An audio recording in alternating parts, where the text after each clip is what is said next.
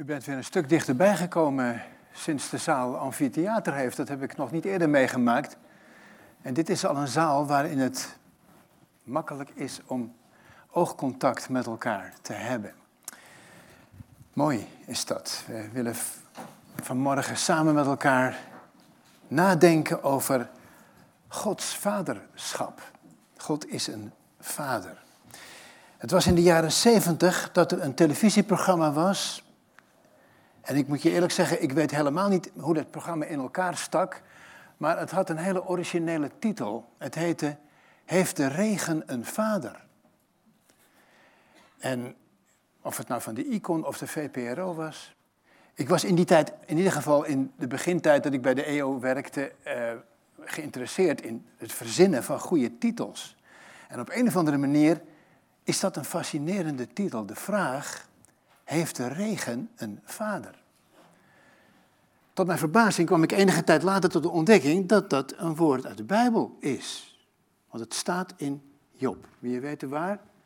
Job 38, vers 28. En het is dat gedeelte waar helemaal aan het eind van Job, waar al zijn kommer en alles zijn boosheid en al zijn verontwaardiging en al die gesprekken met zijn vrienden voorbij zijn. En dan begint God tegen hem te spreken. En het is in dat gedeelte dat God zegt, waar was jij Job toen ik de aarde grondvestte? Um, weet jij waar ik, uit welke voorraadkamer ik de sneeuw tevoorschijn laat komen? En uh, ik denk dat op die meeste van die vragen Job moest zeggen, nee. Maar op die vraag, heeft de regen een vader? Zou Job hebben moeten zeggen, denk ik, ja. Want er zit een hele wereld achter. Een wereld van vaderschap die de schepper over ons, over deze wereld, misschien wel over het hele heelal, uitspreidt. Heeft de regen een vader? is maar één ding. Ons klimaat. Rust dat onder zijn vaderschap? Het woelen van de wereld, de natie, alles wat er vandaag in het nieuws langskomt, rust dat onder zijn vaderschap? Ja. De regen heeft een vader. Maar al het andere heeft ook een vader. Het vaderschap van God. Ik had daar toch, denk ik, toen ik met dat onderwerp begon, te weinig bij stilgestaan. Het is eigenlijk ingegeven door een vraag die op mij afkwam. Om in de, een van de komende weken in een gemeente te spreken over een van die namen van God die je leest in die bekende tekst uit Jesaja 9, vers 5 ons is een kind geboren en zijn naam is wonderbare raadsman, sterke God, krachtige held, staat in de nieuwe Bijbelvertaling, eeuwige vader en vredevorst. En ze vroegen of ik wilde spreken over eeuwige vader. Nou, dit is de, dit is de try-out als het ware voor die preek, maar jullie hoeven je er niet minder waardig om te voelen, want ja, zoiets is, is een ontwikkeling in je. En ik vond het fijn om ook vanmorgen al. En ik bedacht met die eeuwigheidszondag is dit ook een prachtige brug tussen deze laatste zondag van het kerkelijk jaar en de eerste van het nieuwe jaar. Want God is een eeuwige, eeuwige Vader. En als je daar eens over mediteert voor jezelf, daar is nu de tijd niet voor, maar dat kun je altijd later nog doen, over dat idee dat God is een Vader en een eeuwige vader. En het kenmerk van zijn vaderschap is interessant om over na te denken. Weet je, die, die, die, die, die vier namen, sommige zijn heel concreet. Wonderbare raadsman, daar kan ik wat mee. En dat zul je ook vaak ervaren hebben, dat je gewoon God om raad vraagt. Om je de weg te wijzen goddelijke held, daar kan ik wat mee. Want soms heb je kracht nodig en voel je je zwak en ben je, ben je, voel je jezelf heel laag op de grond liggen. Maar hij is de goddelijke held die voor je strijdt en gestreden heeft. En hij is de vredevorst. Dat hebben we ook hard nodig in de praktijk, in deze wereld, maar ook in je relaties, om de vrede te bewaren. Maar hij is ook de eeuwige vader. En ik moest voor mezelf bekennen dat ik daar te weinig concrete dingen bij kon bedenken. Maar dat vaderschap, dat vaderschap, Jezus zegt, ik en de Vader zijn één. Dus de zoon is ook vader. En de vader is ook zoon. Die twee zijn één. Samen zijn zij de wonderbare raadsman, de goddelijke held, de vredevorst, maar ook de eeuwige vader. Tezelfde tijd, vorige week, kwam er een boek uit van Gert-Jan Segers, de voorman van de ChristenUnie. Misschien hebben jullie het gelezen. De verloren zoon en het verhaal van Nederland. En ik heb het nog niet gelezen, ik moet het van recensies hebben. Uh, maar de verloren zoon is natuurlijk ook het verhaal over de wachtende vader.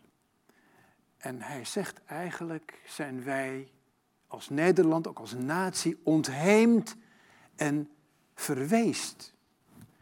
En dat woord, hij was eerlijk genoeg om te zeggen dat hij dat heeft ontleend aan, aan Pim Fortuyn.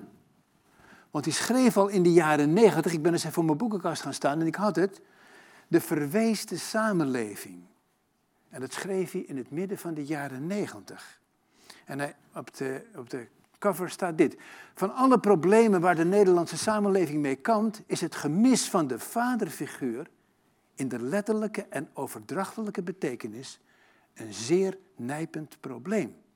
Dat ons in hoog tempo opbreekt.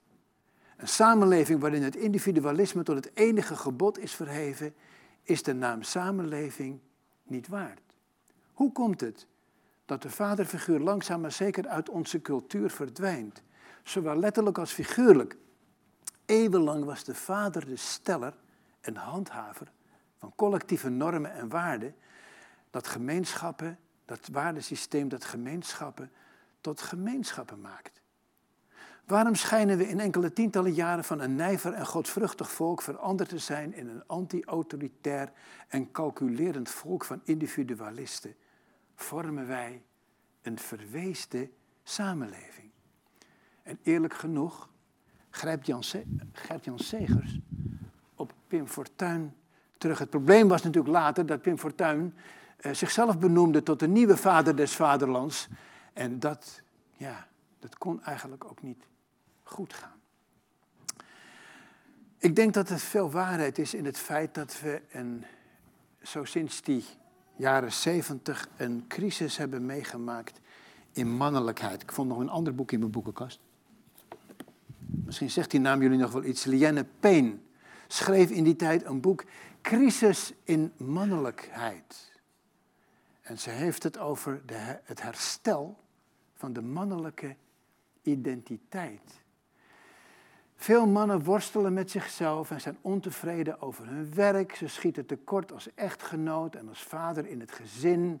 Hebben moeite met, met gezag, zijn diep in hun hart bang voor God. En de gevolgen hiervan, de mannen weten niet goed raad met de seksualiteit, ze blijven onvolwassen, raken steeds passiever, zijn niet in staat zichzelf en hun gezin boven de sleur van alle dag uit te tillen. Nou, mannen,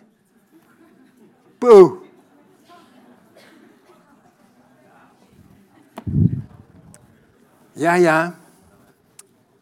Het is ook geen wonder dat in diezelfde tijd de mannenbeweging opkwam in Nederland. En velen van ons die uh, ietsje over de middelbare leeftijd heen zijn, herinneren zich dat nog heel goed. Eerlijk gezegd moest ik toen mijn collega Henk Binnendijk en mijn oude Helderse vriend Dick Langhenkel daar samen met dat initiatief kwamen om ook conferenties voor mannen te organiseren, ik gaf er geen stuiver voor. Want ik dacht, dat gaat niet lukken. En ik heb het ook met ze over gehad. Ik zeg, dat verbeeld je. Het kwam namelijk voort uit de vrouwenconferenties. Want die vrouwen die eh, op de burcht in Haamstede, weet u het nog? Ja, ja sommigen weten het nog. Eh, die, die, en overal in het land ontstonden conferenties van vrouwen. En die vrouwen zeiden op, een gegeven, op een gegeven moment tegen de EO, dat moeten onze mannen ook horen. En Henk en Dick pakten dat samen op. En ik, ik had er een hard hoofd in. Ik dacht, dat gaat niet lukken. Je krijgt het niet voor elkaar om mannen tegenover elkaar hun ziel bloot te laten geven en te erkennen dat ze, dat ze misschien wel een beetje gemankeerd zijn en God nodig hebben. Maar de resultaten waren verbazend. Die mannenconferenties die trokken honderden mannen. Overal waar in het land waar ze georganiseerd werden. Hier bijvoorbeeld in Rijnsburg, in Voorhout.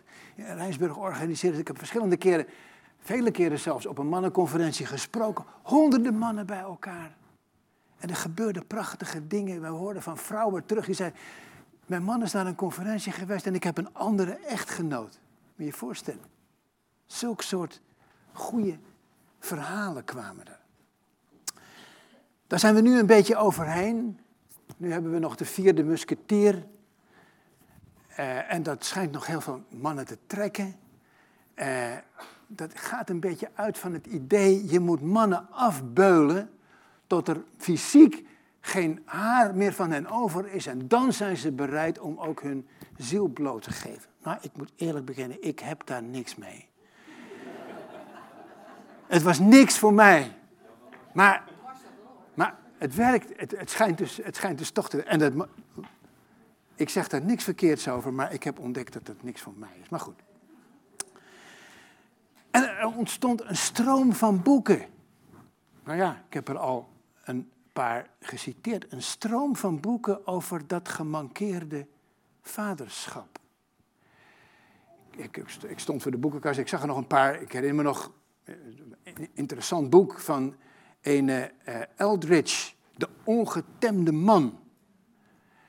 Ook weer een heel andere benadering. Die zegt, de man, die is eigenlijk een ridder. Die moet de schone jongvrouw veroveren en de draak verslaan. Nou mannen, dat spreekt ons wel aan. Hè? De ridder. Maar of dat nou voor ons allen haalbaar is, en aan de andere kant, laten we eerlijk zijn. Soms schaam ik mij om man te zijn. Voel je dat mee? Met al dat misbruik, elke keer weer opnieuw, met al dat MeToo gebeuren, met al die fraude, met al die discriminatie, komt toch heel vaak allemaal voort uit mannen. Alle dingen op het gebied van, uh, van seksueel misbruik. En dat is slecht. Dat is ook slecht voor het vaderbeeld van God. En ik heb zowel mannen als vrouwen in het pastoraat door de loop der jaren voorbij zien komen.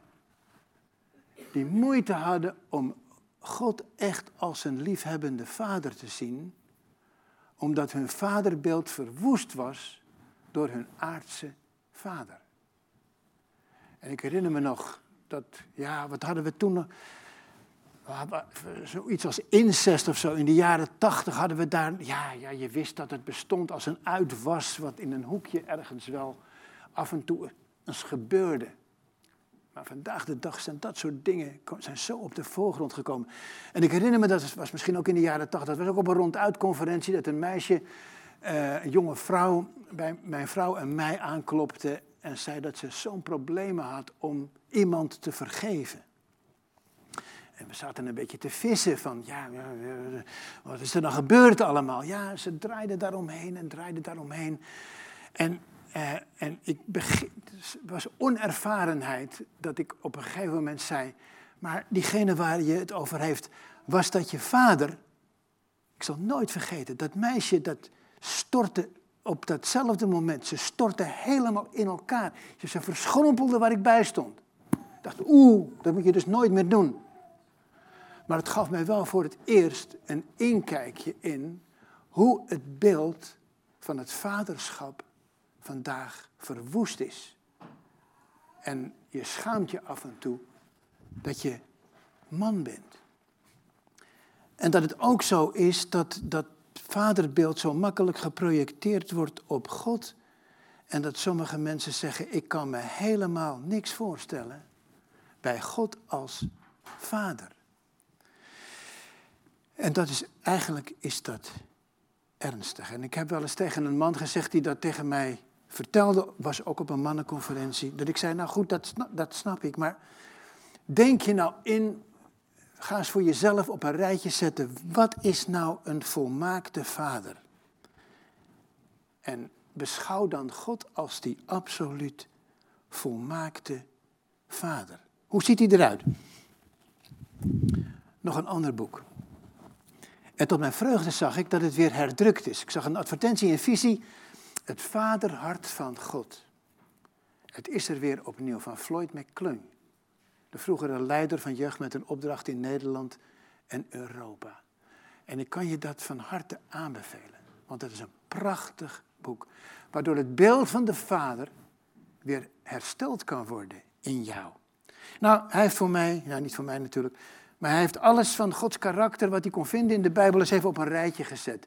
God als Vader is geduldig, zorgzaam, heilig, scherpzinnig, bewogen, gevoelig, vol aandacht, teder, minzaam, vergevend, rechtvaardig, goedertieren, barmhartig, attent, vrijgevig, krachtig, wijs, machtig, liefdevol.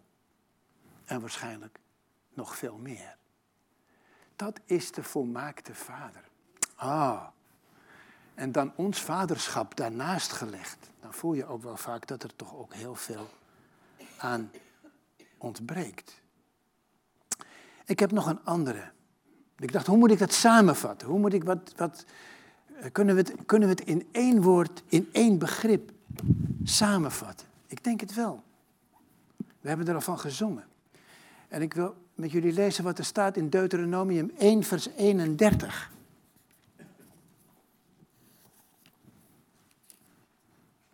Het is de toespraak van Mozes tot het volk. En ik begin bij vers 30. Deuteronomium 1, vers 30. De Heer, uw God, die voor u uitgaat, zal immers voor u strijden. U hebt toch gezien hoe hij het in Egypte voor u opnam en ook in de woestijn, waar u ervaren hebt dat de Heer uw God u gedragen heeft zoals een vader zijn kind draagt. De hele weg die u gegaan bent tot uw aankomst hier. Gelijk een vader die zijn kind draagt. Het volk Israël was dat kind en God zelf was die vader. Dragen vaders kinderen? Moeders dragen kinderen, toch? Het zijn altijd moeders. En ik weet zelf nog toen wij pas, toen wij pas ons eerste kind hadden, dat ik met, ik voelde mezelf een hele geëmancipeerde vader. Dat ik met achter de kinderwagen door de stad liep. En ik had het gevoel dat alle mensen naar mij keken. Die dachten, hè, een vader achter de kinderwagen. Dat was toen niet erg gebruikelijk. Een vader die zijn kind draagt. Dat is het karakter van God. En ik zal je een geheimtje verklappen. Als je, in de, als je in de Statenvertaling dit leest, dan wordt er verwezen, trouwens ook nog denk ik in de vertaling 51, verwezen naar een tekst in het Nieuwe Testament waar dezezelfde tekst weer voorkomt. Dat is in Handelingen 13, vers 18. Uit een toespraak van Paulus.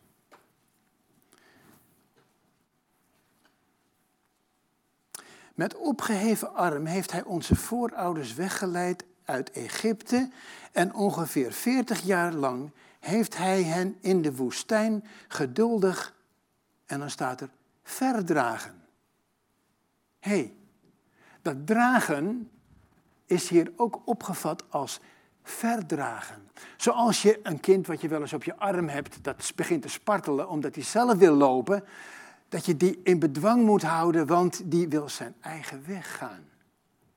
En we hadden wel zo'n kind die geen, geen minuut op je schoot kon volhouden en dan zo begon te spartelen dat je, dat je er, er wel maar weer afzette, want dat kind wil op zijn eigen benen staan. Ook een onwillig kind, ook een onwillige puber, wat Israël was, heeft hij gedragen en verdragen.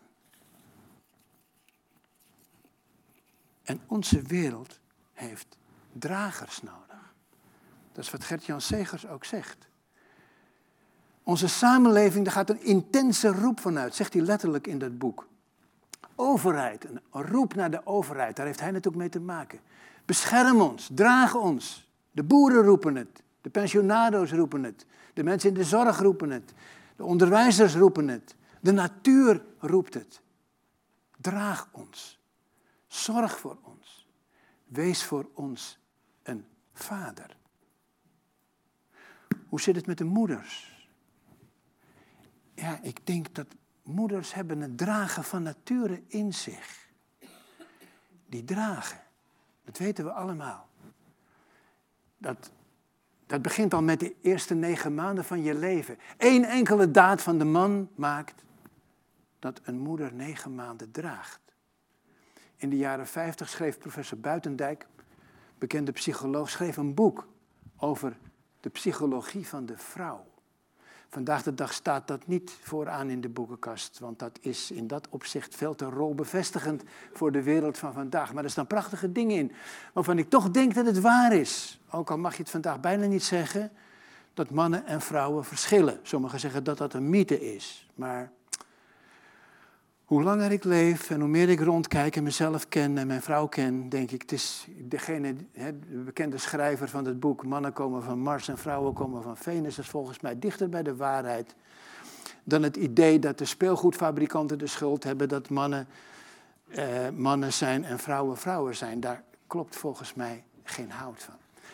Buitendijk zegt het, de vrouw vertegenwoordigt het horizontale en de man vertegenwoordigt het verticale. Ik ga het niet uitleggen.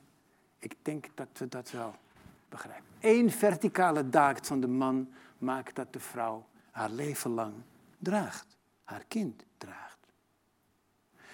Maar God is als een vader die draagt. Dat we dat te weinig doen, is me in huwelijkspastoraat heel vaak opgevallen.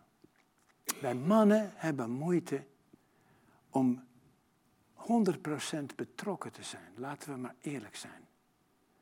Want wij hebben ons werk, we hebben onze carrière. Nou ja, ik hoef aan de andere mannen hier niet uit te leggen hoe mannen in elkaar zitten. Maar ik heb vaak tegen mannen gezegd van mensen die in huwelijksproblemen zaten: Jij hebt de sleutel, ik weet het zeker. Jij hebt de sleutel in handen. Door meer te communiceren, door meer je hart te laten zien, door meer bereid zijn te praten. Maar zit er ook moederlijkheid in Gods vaderschap? Dat zou je misschien wel graag willen weten, want als God een vader is, waar blijft, waar blijft het moederlijke dan? Maar Jezus huilde. Heb je dat wel eens tot je door laten dringen? Hij huilde van verdriet bij het heengaan van zijn vriend Lazarus. Hij gebruikt soms typisch vrouwelijke voorbeelden. Tegen de inwoners van Jeruzalem zegt hij: Ik had als een hen de kuikens onder mijn vleugels willen vergaderen. Dat is een heel moederlijk beeld. En het woord barmhartigheid. Ik lees zelf geen Hebreeuws, maar ik heb me laten vertellen dat dat in het Hebreeuws in feite letterlijk baarmoedergevoelens betekent. God heeft baarmoedergevoelens over ons van koestering en veiligheid. En het vaderlijke en het moederlijke in God passen in elkaar en vult elkaar aan. Nou, denk je misschien, wat moet ik met dat alles? Mannen, vaders, ik kwam met je lezen een merkwaardige tekst. Efeziërs 3, vers 14 en 15. Als je daarop studeren wil, dan moet je het eens opzoeken in allerlei vertalingen. Dan gaat er een wereld voor je open, want het wordt heel verschillend vertaald.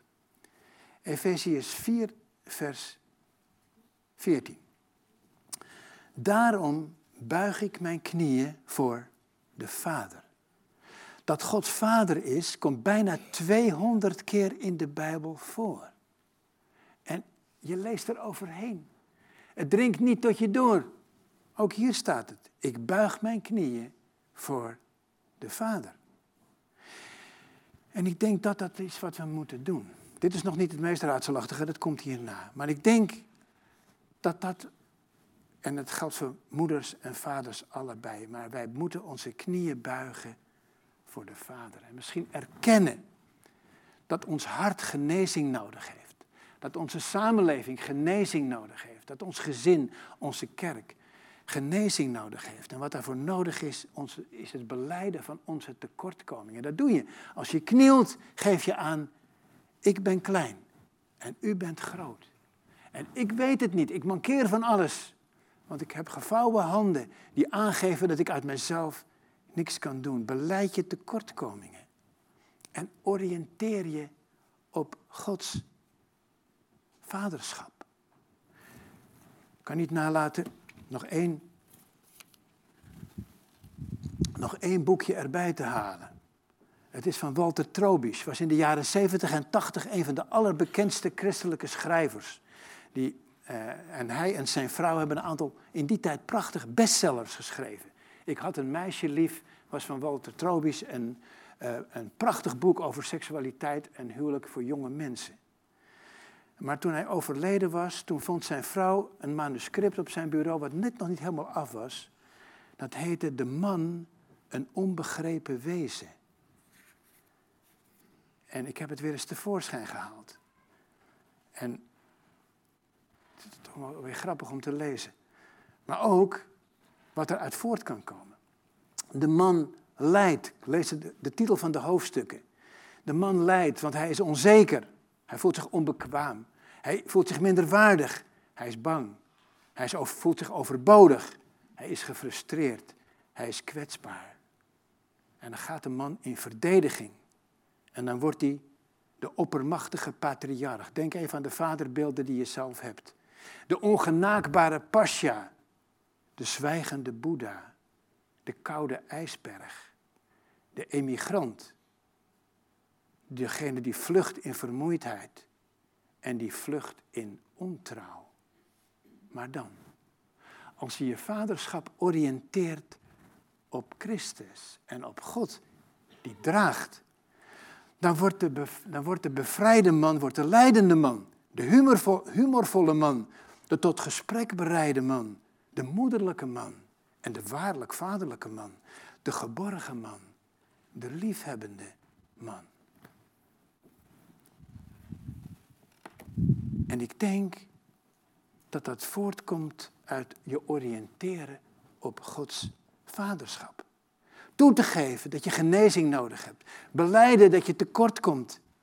En dan te besluiten te dragen. Want het kenmerk van vaderschap is dragen. Ga ik verder bij Efeziërs 3, vers 15. Daarom buig ik mijn knieën voor de Vader, die de Vader is van elke gemeenschap in de hemelsferen en op aarde. Ja, wat moet je daarmee met die tekst? Nou, in het Grieks staat er van vader, het is pateras, en dan over, dat, dat, over elke gemeenschap, dat is patria. En eigenlijk is dat over elke vader eenheid, over alles waar iemand vader over kan zijn. En dat wordt vertaald met geslacht, het wordt vertaald met generatie, het wordt vertaald met gezin. En je kunt er alle kringen die er zijn waarin mensen een samenleving vormen, daarover, tot zelfs in de hemel toe, is God vader. Hij wil vader zijn over de overheid. Hij wil vader zijn over jouw gezin. Hij wil vader zijn over jouw kerk.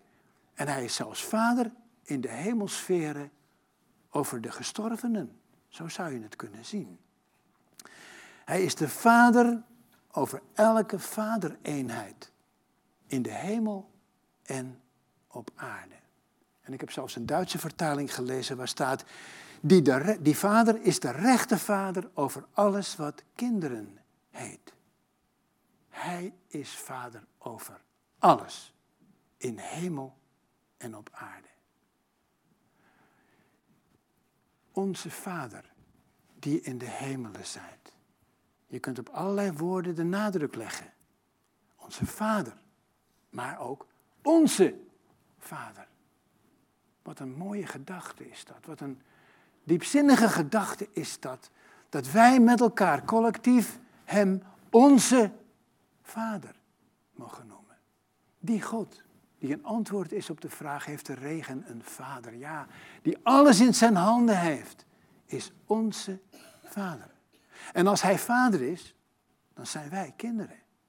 En we zijn broers en zussen.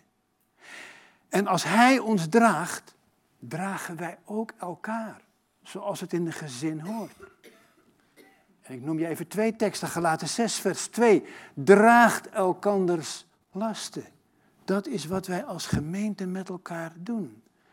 En in Efeziërs 4, vers 2 staat, verdraag elkaar uit liefde. En dan zie je precies wat je zag bij Mozes en bij Paulus. Dat dragen is ook verdragen. Verdragen wij elkaar in de gemeente? Dragen wij elkaars lasten? Zijn wij kinderen van één gezin die voor elkaar opkomen? Die niet kunnen uitstaan als een ander lijdt, maar onze armen eronder schuiven? Dragen wij elkaar? Wij als kinderen, en als wij zeggen onze vader, dan beleiden we dat we broers en zussen van elkaar zijn.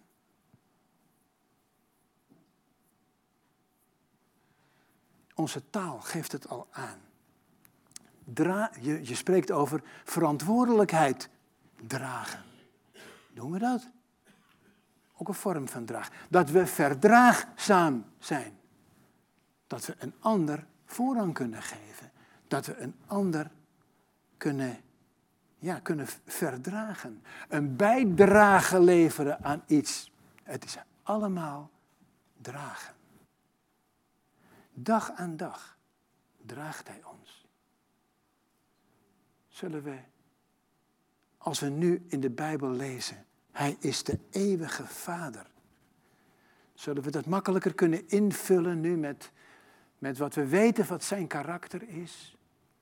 Kunnen we betere vaders over elkaar zijn? En dan bedoel ik het ook letterlijk. Sommigen zullen misschien zeggen, ja, dit leek wel een preek op een mannenconferentie. Nou ja, dat is het misschien ook wel een beetje. Want ik denk zeker dat wij mannen een belangrijke sleutel in handen hebben. Door werkelijk dragende vaders te worden.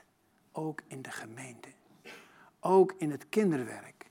Ook in het onderwijs. Ook in de zorg. Ook als het gaat om de natuur. Dragen wij of duiken we weg? Of laten we anderen het gewicht torsen, waardoor het steeds moeilijker wordt. Laten we de voorganger alles doen? Of zeggen we nee, ik lever ook mijn bijdrage. En ik draag ook verantwoordelijkheid. En moeders, voor moeders is het misschien makkelijker omdat het dragen, het offer, zit meer in hun leven ingebouwd. Maar ook moeders dragen. En omdat het vaderschap in de Bijbel van God zo nadrukkelijk uh, wordt benadrukt, heeft de kerk in de loop der eeuwen vaak gezegd, ja, en hebben Maria erbij gehaald om het moederlijke dan toch maar een beetje in te voegen. Uh, omdat ze dachten dat dat een beetje aan het vaderschap van God ontbrak. Dan bid je maar tot de moeder van Jezus. Die heeft een voorspraak bij de Vader. Rust niet op enige bijbelse grond, maar je kunt het je wel voorstellen. En in Rooms-Katholieke kring leeft ook sterk het idee dat de, dat de kerk als een moeder is. God de Vader en de kerk als moeder. Maar ik vind dat geen gekke gedachte. Wij zijn kinderen van God en we leven in één gezin. En het vaderlijke en het moederlijke vult elkaar aan. Maar wij mannen hebben een inhaalslag te maken. Als al door niet-gelovige mensen wordt vastgesteld, nou ja, Gert-Jan Segers dan wel, dat wij leven in een laten we zeggen, tamelijk verweesde samenleving, dan moeten wij onze knieën buigen voor de Vader. En beleiden dat we een schuld dragen. En dan moeten wij onze armen eronder schuiven. En allemaal dragers worden. Daarom buig ik mijn knieën voor de Vader. Amen. Zo'n moment stil zijn.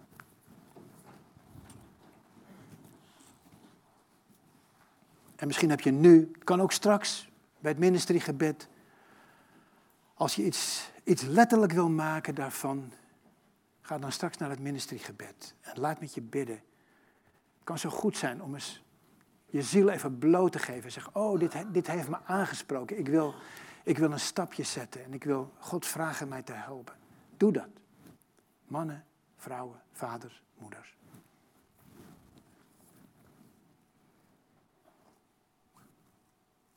Heere God, we hebben nagedacht over uw vaderschap. En we kunnen het nauwelijks bevatten wat dat betekent, hoe u elke dag deze wereld draagt. En mijn leven en ons leven draagt.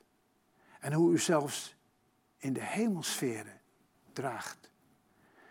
En we bidden dat wij naar uw beeld ook mogen groeien tot dragers.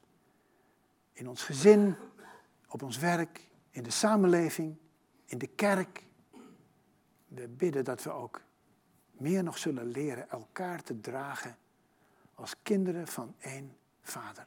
En we bidden ook vandaag, Heer, draagt u deze wereld met zoveel problemen, met zoveel moeite, met zoveel leed. Soms is het moeilijk om het te geloven dat u nog altijd de dragende Vader bent, maar we willen ons geloof uitspreken.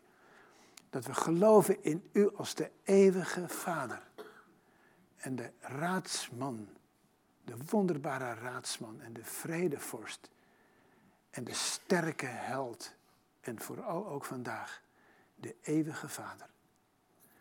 En zo zien we naar u uit, dat u ons helpt, nabij bent en bovenal ook vandaag, maar heel ons verdere leven, ons draagt. En help ons om waarachtig ook dragers te zijn. Amen. We gaan samen zingen. En het wordt een lied waarin, dat, ja, waarin je dat persoonlijke antwoord ook nog weer eens kunt uitzingen. Vader, u bent goed.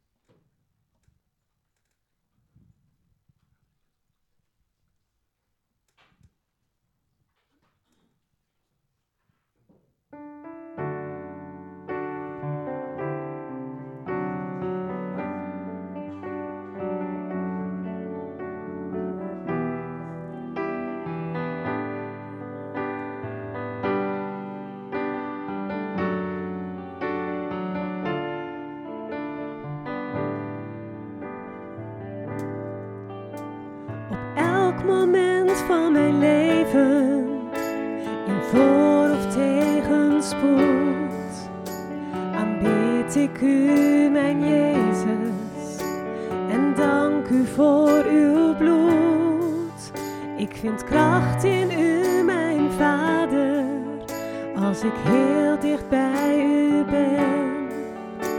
Mijn hart en mijn gedachten worden warm als ik bedenk. Vader, u bent goed, u bent heilig, u bent liefde. Jezus, u bent groot, u bent sterk.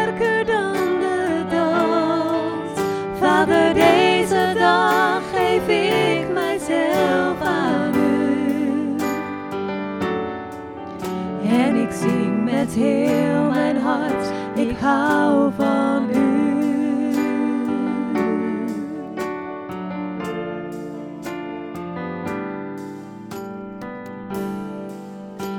Op elk moment van mijn leven, bij dag en bij nacht, wil ik uw woorden lezen en dragen in mijn hart de stormen van mijn leven, in de regen, in de kou, wil ik schuilen in uw vrede, wil ik rusten in